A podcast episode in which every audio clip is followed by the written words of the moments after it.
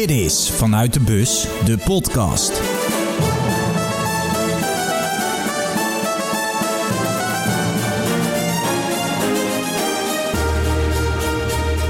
Het is dag 20 van Vanuit de Bus. En vandaag eh, ben ik in Zeist geweest, in de Zeisterbossen. Waar eh, Frank de Boer afscheid nam van het Nederlands al Zelf opstapte, maar anders ook ontslagen was. En eh, vandaag in de aflevering heb ik Simon Tjommer, een Duitser.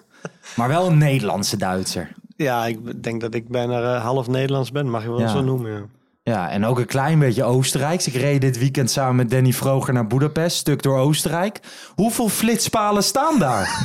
Het probleem is ook nog dat ze eh, vaststaan allemaal. Ja, En dat zijn van die grote potten, dus die herken je bijna niet, van die hele brede. ja. En eh, ja, die, die zijn ook nog altijd actief. Hè. In Nederland had je ze nog dat ze af en toe niet actief waren, Ja. maar in Oostenrijk doen ze het ook echt. En je krijgt flinke boetes. Wij hadden Flitsmeister aanstaan, maar er reden ook bijvoorbeeld Nederlanders langs ons heen en zo. Dat wij echt dachten van, als jij de hele weg zo rijdt, nou dan ben je gewoon een maand salaris kwijt aan boete straks. Ja, dat, het nadelige is dat, het, dat je eigenlijk niet je rijbewijs kwijt kan raken. Maar je krijgt ontzettend eh, hoge bedragen in Oostenrijk. is weer anders in Duitsland trouwens. En anders zijn de bedragen lager, maar daar ben je eh, eerder je rijbewijs kwijt. In Duitsland heb je ook boetes toch die inkomensafhankelijk zijn. Dat, eh, volgens mij Leroy Sané of zo had een keer een hele hoge boete omdat het op inkomen werd bepaald. Ja, dat is correct. Ja. Bepaalde eh, overtredingen worden dus eh, afhankelijk beboet van je salaris. En dan heb je als voetballer bij Bayern München niet altijd de beste Dat is wel een probleem. nou ja, ik wil het met jou even hebben over de bondscoach. Ik was eh, vanmiddag dus in Zeist. Het leven van een voetbaljournalist. Eigenlijk voor de eerste keer, een van de eerste keren dat ik zoiets meemaak. Wat duurt dat lang? Uren. En dan wordt eindelijk bekend dat Frank de Boer weggaat. Dan, ik sta daar met ESPN, NOS, iedereen. En uiteindelijk komt de primeur van de Telegraaf. Die, er er niet waren. Ja, dat, dat zijn de ingangen hè, die je moet hebben. bizar beroep. Dus mocht je nou zitten luisteren, nog steeds met de droom van ik word later voetbaljournalist, doe het niet. Wauw, dat, ik heb echt een gezellige middag gehad hoor, maar het duurt lang. Ja, ik ben het volledig met het enige wat mij dan eh, een beetje stoort is wel... Kijk, eh, voetbaljournalist vind ik op zich een beroep die, die fijn is uit te oefenen. En als je het goed doet, dan hebben de spelers ook zin om, om Ja. eh, met je te praten. Want je zegt nog even, je wacht heel lang. Ja. En dan heb je een wedstrijd misschien en er is een nederlaag. En dan hebben die spelers van die nederlaag geen zin meer Ja. om te praten. Dus dan stond je de hele tijd van niets. Alleen het, het feit wat je net noemt, dat de Telegraaf met het primeur komt. Dat zijn eigenlijk dingen die voorkomen moeten worden. En eh, eigenlijk moet je deze zwarte schaap ook eruit halen om te weten wie dan degene is die dat deelt met de journalisten. Want dat is geen journalistiek, dat is gewoon eh, vriendjespolitiek. En die moet je gewoon eigenlijk ondermijnen. Ja, ik denk ook dat de KNVB inderdaad eerst, die hebben het doel van we informeren de spelersgroep. En daarna willen ze een persbericht naar buiten doen. En dan wordt het daardoor bekend dat alle media tegelijk het eh, weet. Maar eh, ja, een speler komt wel vaker dat, voor, eh, hè? Ja, Dat is- tuurlijk. dat is Dit wel- is niet de eerste keer. Nee. Ehm, Frank de Boer weg, niet verrassend hè? Nee, niet verrassend. Eh, je moet, eh, één ding is wel belangrijk en dat vind ik ook, eh dan moeten we niet te kort door de bocht zijn. Je moet het niet afhankelijk maken van één wedstrijd. Dus niet de laatste wedstrijd die wij gezien hebben, dat als conclusie nemen. Vooral ook omdat, nou ja, niet alles slecht was. Ik weet dat iedereen negatief praat over de wedstrijd, maar eh, in balbezit was het slecht. Maar je hebt meerdere facetten in de sport. Ja. Die heeft niet alleen maar te maken met balbezit. Voor de rest was het redelijk tot een rode kaart. En dan verliezen we de wedstrijd. Maar ik denk dat zijn eh, communicatie richting de spelers, eh, communicatie naar buiten toe, zijn optreden op zich niet dusdanig ja, doorslaggevend en soeverein waren. Dat iedereen zei van dat is nou de bondscoach waar Nee. we mee wil door willen. En Nee. vandaar ook vandaag de eer aan zichzelf verlaten. Maar wat jij zelf schetst, ik denk dat het een goede afspraak was tussen de, het bestuur en eh, de trainer Ja. om het zo te doen. Ja, hij was anders natuurlijk ook eh, eruit gegaan. Nico-Jan Hoogma gaf dat ook wel toe in zijn interviewtjes daarna. Ehm, wat ik wel opvallend vond, in een persbericht van de KNVB stond dat de boer zelf opstapte. En als verklaring stond er ook bij dat de druk nu dusdanig hoog zou worden dat het voor hem ook niet goed zou zijn. Toen zat ik terug te denken aan al die fouten die hij maakte op de persconferenties over Donny van de Beek. eh, niet bellen van El Ghazi, maar wel zeggen dat je gebeld hebt. Zou de druk überhaupt al te hoog zijn geweest? Zou hij last hebben gehad van de druk? Want dan ga je fouten maken. Ja, ik eh, twijfel een beetje aan of dat eh, de druk was die die, zeg maar, de onnozeligheid veroorzaakt heeft. Ja. We hebben niet alleen de, de app eh, en de communicatie of ook de uitspraak over de minuten die gemaakt zijn door bepaalde spelers bij Manchester United. Dat zijn fouten die je niet maakt per se eh, onder druk. Dat is gewoon echt dat je misschien niet helemaal goed op dat moment uh, tot jezelf bent gekeerd om te zeggen wat je, verzoek, wat je echt moet zeggen. Ja. En ook misschien niet kan omgaan met de vragen die je krijgt. Dat is niet een bepaalde druk die hij bedoelt nu. Nu komt de druk van uh, wij moeten presteren de volgende wedstrijd en uh, ben ik in staat om de ploeg nog Ja. te leiden. En is het goed voor de ploeg als ik hier sta? Want wordt de druk dan niet voor het team te hoog? Moeten we niet nieuwe, een nieuwe leider voor de groep zetten die, het, die ook maar de, nou, de lasten weer kan dragen? En uh, daar is hij op dit moment niet in staat toe. Nee. Tenminste, dat zegt hij zelf. Ik uh, zou Ja. dat niet aangeven, maar dat zegt hij zelf. Ik vond het wel. ehm, Kijk, weet je, Frank de Boer, je kan heel veel kritiek op hem hebben over het spelsysteem, over die fouten die hij maakt en zo. Maar volgens mij, in de tijd dat hij trainer van Ajax was, heb ik hem heel nauw gevolgd. En daar nou, je kan hem niet geen professionaliteit verwijten of zo. Hij geeft er wel alles voor. Ook als jeugdtrainer bij Ajax al. eh, volgens mij was hij dag en nacht met het spelletje bezig. En dan dat soort foutjes en zo. Het lijkt alsof hij gewoon niet, er zelf niet helemaal lekker in zat. Maar goed. Nou goed, uh, daar ga ik kijken. Dus aan de ene kant heb je heel veel voetballers. Dan ga ik het even voor andere, of een anders Ja. uh, kop gooien. Je hebt heel veel voetballers die hun hele leven alles ervoor doen om prof te worden. Maar echt alles. Misschien zelfs meer als iemand die prof wordt. En uh, dat zegt niet altijd dat je ook de kwaliteit hebt. Het Nee. zegt wel dat je de goede instelling hebt. En uh, ik vind Frank de Boer ook een hele capabele man in, in het omgaan als mens. Wat ik van hem vernomen heb, moet het een heel aardige persoon zijn voor mensen die dichtbij hem zijn. Dus dat, daar is allemaal niks mis mee. Alleen de vraag is nu, ja, ben je dan op dat moment uh, de juiste man op de juiste plek? Nou, en nu, als je de korte tijd mag nemen die we gehad hebben, met Ja. ook successen natuurlijk, blijkt het nu door zijzelf uh, daarvoor gekozen dat hij dat niet was. Nou, en daarmee is dan ook uh, de kous af hè? en dan is het Ja. klaar. Nou ja, Nico-Jan Hoogma kwam dus naar buiten. Hij zei een paar opvallende dingen. Hij probeerde, hij verviel in clichés, maar daar, daardoor ja, was het ook onsamenhangend of zo. Hij zei een paar rare dingen. Hij, hij wilde weer teruggrijpen op Lijn Koeman. Nou ja, tussendoor hebben ze Frank de Boer, heeft hij notabene aangesteld. Um, omdat hij met de staf van Koeman dan verder zou gaan op het traject. Ik vind het gek, zeg maar, als je dan zegt van... ja, we moeten weer terug naar Lijn Koeman...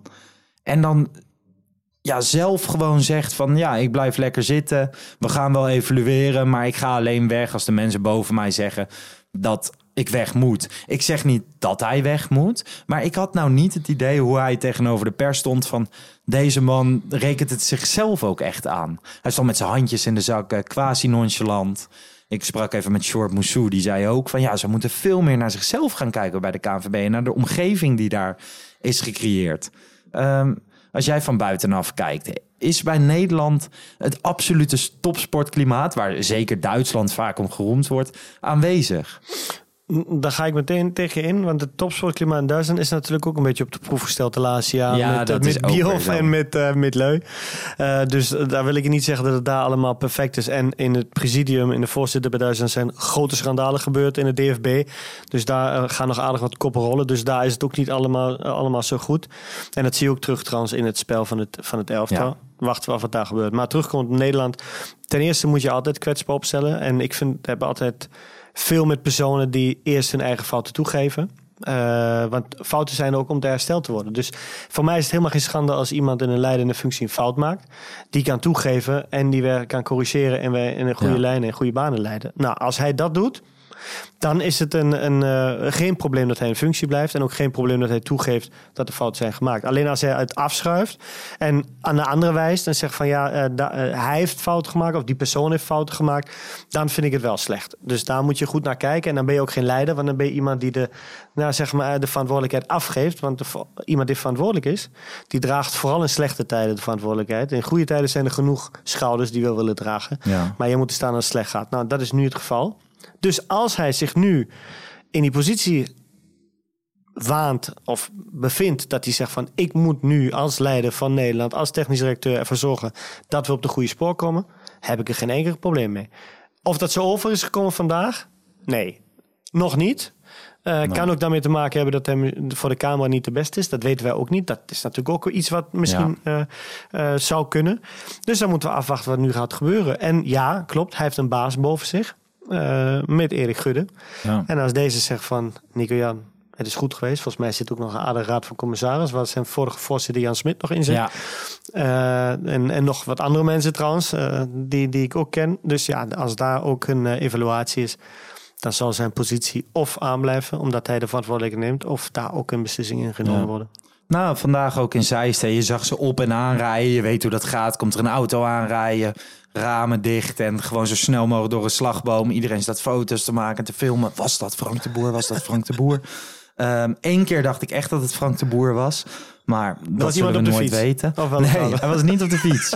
Maar er was, kwam zo'n auto langs en daar hingen dekentjes achterin Oh. tegen de ramen aan. En ze zeiden dat Frank de Boer niet in dat gebouw was. Maar ik vermoed nog steeds dat hij in die auto zat. Maakt verder ook niet uit. Maar dan krijg je wel weer Jan Smit inderdaad. eh, Hamberger.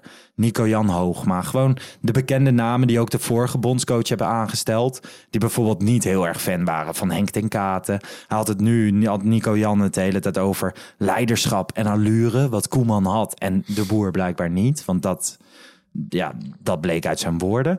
Ehm, ik vind het best spannend om te zien dat dezezelfde club weer de nieuwe bondscoach gaat aanstellen. Dat er geen vers elan bij komt. En ook nog eens, dat Erik Gudde gaat natuurlijk weg. Die krijgt een ver- een vervangster. Ehm, moeten zij zich nog wel bezighouden met de bondscoach? Moeten ze ook wat andere mensen erbij halen... om gewoon weer een frisse blik te gooien op het Nederlands, Nederlands elftal? Ja, ik vind dat te kort door de bocht. Want als je naar grote bedrijven kijkt, of nou dus Ja. het bedrijf Bayern München nemen, waar natuurlijk eh Uli Heunes en eh Karl-Heinz aan het roer staan. En als je even kijkt wat daar gebeurd is eh na Guardiola eigenlijk, en ook met de komst van eh, van, van Gaal naar Guardiola, nou dan heb je mijn voormalige trainer Nico Kovac gehad, die het eigenlijk niet goed deed. Nou ja, wat, wat moet je dan zeggen? Oké, de trainer die gaat weg, die moet eruit, terwijl die gewonnen heeft, wordt ontslagen moet dan Uli Heunes en Karl-Heinz Rummenigge na jarenlang succes zeggen... nou, ik stop ermee, ik ben de verkeerde man? Of moeten die kijken van, oké, wat gaan we nu veranderen? En Ja. zij hebben gekeken wat gaan we veranderen... met een, met een risico genomen, een trainer Hansi Flick in dienst genomen... die assistent was. Eh, eerst wilden ze daar ook eerst een andere, maar hem dan laten staan. was geluk en eh, uiteindelijk een hele succesvolle periode. Dus zo kan het ook gaan. Maar, nogmaals nou op terug, het kan ook zo zijn... en dat is weer iets wat de Raad van Commissaris... daarvoor is het aangesteld om te kijken hoe zit het bestuur in elkaar? Want die corrigeren het bestuur. En als die toch eh, eh, het gevoel hebben van daar zitten niet de juiste mensen. En nogmaals, interview vandaag was niet dusdanig dat je denkt van hé, hey, daar zit de juiste persoon. Ja. Dan moet je daar ook negelen met köpfen gaan zeggen in Duitsland. Dus een beslissingen nemen. Maar je moet er begin dit seizoen alweer staan. Eh, Jan Smit gaat weg als hoofd van de RVC. Die is al bezig met afscheidsborrels en zo. Eh, Erik Gudde gaat weg. Ik vind het altijd vrij tricky als een deel van zo'n bestuur vertrekt. Dan moet er een nieuwe bondscoach komen. Die beslissing moet snel gaan, gaan komen. Dus dat zal, zullen nog deze mensen zijn. En als vertrekkende mensen nog wel even het nieuwe beleid gaan bepalen. altijd of zo. slecht. Ja, het zou andersom moeten Altijd zijn. slecht. Net als bij NAC. Die hebben op dit moment de club staat te koop. Ze hebben geen technisch directeur, trainer is weg. Maar dan gaan ze waarschijnlijk van onderaf bouwen. Dus dan komt er eerst een trainer, dan een technisch directeur... en dan een nieuwe eigenaar en wellicht een niet. algemeen directeur. Andersom. Ja, dat klopt niet. Nee, klopt niet. Maar eh, ik heb altijd één credo. En eh, dat heb ik een beetje van mijn schoonvader geleerd. Die een, eh, die een aardig bedrijf leidt. Die zegt als mensen het schip verlaten... eh, aan het eind van, van de trip... dus dat je aan de haven komt... kan je ze beter bij de eerste haven al eruit laten. Want Ja. eh, tot die tijd eh, ben je niet meer gefocust. Dus iedereen die wil gaan... die moet je gewoon meteen laten gaan. Ja. En dan moet je ook gewoon dan mans genoeg zijn en zeggen... dan doen we het nu meteen en we wachten niet tot het einde. Dat heb ik ook met trainers. Als een trainer zegt ik ga aan het eind van het jaar... zou ik altijd zeggen, weet je... Prima. Dus met bijvoorbeeld Arne bij AZ... dat begreep jij heel goed Absoluut. wat AZ deed. Totaal mee eens. Ja, totaal mee eens. Als een trainer zegt hij gaat weg, dan eh moeten consequenties zijn. Dan zeggen Ja. even goede vrienden ook, helemaal niet negatief bedoeld. En Nee. ik weet ook dat de trainer, of tenminste de persoon die dan wil blijven, de goede intenties heeft. Maar dan gaat het, dan, dan gaat het verder, dan gaat het om, eh, om het welzijn van de club en eh, nu dan van de KNVB. Oké. Nou ja, dan de slotvraag. Hè. Wie moet het nu gaan doen? Ik hoorde vanmiddag allerlei namen natuurlijk weer. Giovanni van Bronckhorst, Philip Cocu worden direct genoemd. Ehm, Antonio Conte, Dat vond ik wel een hele leuke trouwens. Joachim Leu werd ook genoemd. Eh, wat denk jij? Wat zou goed zijn voor dit team? Ehm, kijk, je hebt twee facetten waar ik, waar ik aan denk. Je hebt de, de mogelijkheid korte termijn. Dat betekent we hebben een WK voor de deur. Ja. Dat is volgend jaar. Ehm, daar is gepredestineerd een persoon als Louis van Gaal voor. om er nu aan te stellen op korte termijn. Zeggen je hebt doelstelling WK, hoog mogelijk eindigen, eh, team goed mogelijk voorbereiden. Dat is jouw taak, primaire taak. En daarna Ja. kijken wij eh, wie we zeg maar, vast in dienst kunnen nemen voor de komende jaren. Een traject opbouwen met een filosofie uitstippelen, met een, een succesbeleid. eh, waar Louis van Gaal misschien ook nog kan participeren, eh, indelen, de eerste maanden meelopen en dan langzaam afscheid gaat nemen. Misschien dan afscheid gaat nemen richting een bestuursfunctie bij de KNVB. Ik, ik schets maar iets. Ja. En eh, nou, daar hebben we natuurlijk, dan moeten we afwachten welke trainers vrijkomen. Want we weten niet wat met Ronald de Boer gebeurt bij, eh, bij Barcelona. Wij weten niet wat gebeurt met Peter Bos in, in Frankrijk, bij Lyon. We hebben natuurlijk wel trainers. Kijk, Ja. en Erik ten Hag die gaat zijn trainerscarrière nog voortzetten op, op clubniveau. Want Ja. dat is natuurlijk het voornaamste om te doen. Maar ik zou nu korte termijn kiezen voor Louis van Gaal. En dan alle tijd nemen, een jaar lang, om echt te kijken wat daarna. Ook met Louis van Gaal praten over wat vind je zie in dit team. Want hij is gewoon een man die, eh, die echt de kwaliteiten kan inschatten van spelers Ja. en van het team. En dan zeggen, oké, wat is de juiste persoon? En misschien dan ook, wat ik zeg, Louis van Gaal een, een stapje hoog. Als die dat nog zou willen, Ja. richting het bestuur. Ik denk toch ook wel dat deze vrij jonge groep ook behoefte heeft aan een soort Louis van Gaal. Dat, dat, zie ik wel werken. Ik zie het sowieso altijd werken met Louis van Gaal. Ik vind het vooral Ja, heel ook. erg jammer dat eh, Peter Bos net heeft getekend bij Lyon. Stel Peter Bos was nog vrij geweest, had ik dat wel interessant gevonden. Hij heeft ook wel eens uitgesproken dat hij het Nederlands zelf zou willen doen. Maar inderdaad, als je nu de namen kijkt die voorradig zijn. Ja, met Philip Cocu of Giovanni van Bronckhorst krijg je toch iemand een beetje in het profiel Frank de Boer. Wel dezelfde generatie, ook niet overal succesvol allemaal. En ik denk dat je nu een trainer moet hebben die echt heel zelfverzekerd is en erin stapt. Hij zal echt een lastige fase tegemoet gaan met hele belangrijke wedstrijden. Dus je hebt wel iemand nodig die daar echt staat. Dus wat dat betreft, Nico-Jan Hoogma zei leiderschap en allure. Daar ben ik het wel mee eens. Ja, ik, nee, ben ik. Maar dat vind ik wel attitude die ieder coach, bondscoach Ja. moet hebben. En daar mag je echt niet van afsta- afstappen. Dat moet Nee. in- van begin af aan zo zijn. Alleen wat je wel weet is als je leiderschap vraagt. En ehm, dan weet je één ding. Dat gaat frictie opleveren met Ja. het bestuur. Want een leider heeft zijn eigen mening. Ja, En niet de mening van diegene die boven je zit. Dus ja, Nee. dat, dat haal je in huis. En daar moet dan ook een technisch directeur, een algemeen directeur en raad van commissarissen mee om kunnen gaan. Echt als allerlaatste. Ik vond het opvallend. Nico-Jan Hoogma zei tegenover ESPN...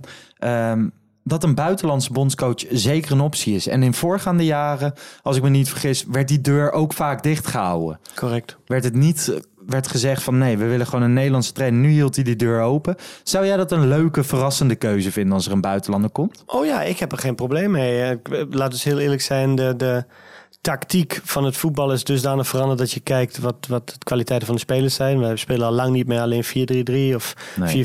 4-4-2 of 5-3-2. Het is zo verrassend in balbezit, balverlies, eh, verschillende opstellingen. Dus dat kan ook een buitenlandse trainer. En ja, ik hoorde net naast me Adrie Poldervaart, die had een fantastische suggestie. Maar dat is dan meteen een trainer voor, voor een eh, langere termijn, niet voor kort. Met wat je net zei, Antonio Conte is natuurlijk onwijs eh, begaande man, een succesvolle trainer ook, die, die zeker ook wat Ja. wind, frisse wind inbrengt. En wij zien het bij België. Het kan heel goed Met verlopen Martinez, met een trainer. ja. Ja, en eh, waarom niet? Wat, waarom zijn wij Nederlanders dusdanig eh, afhankelijk van een Nederlandse coach, als die op dit moment niet dusdanig beschikbaar is? Maar Jeroen Stekelenburg zei dat ook tegen mij. Van ja, dan moet je wel gaan betalen. Want een bondscoach verdient over het algemeen Ja, maar kwaliteit hetzelfde. kost geld. Ja, precies. Ja. Maar dan moet je dat wel willen investeren. Ja. En eh, ja, ik ben benieuwd. Ik hoop vooral dat Ne- dit Nederland zelf heeft zoveel potentie. Misschien geen eens voor dit EK. Maar wel voor de komende toernooien. Zeker richting, richting volgend... eh, richting Qatar. En het volgende EK misschien nog wel meer. Dus ik ben heel benieuwd. Thanks dat je even wilde aanschuiven. Dankjewel Jij gaat naar voetbalpraat. ESPN. Maar dat was vanuit de bus toch wel wat leuker, hè? Ja, was heerlijk. Gezellig. Dankjewel, Vooral met Simon. jou.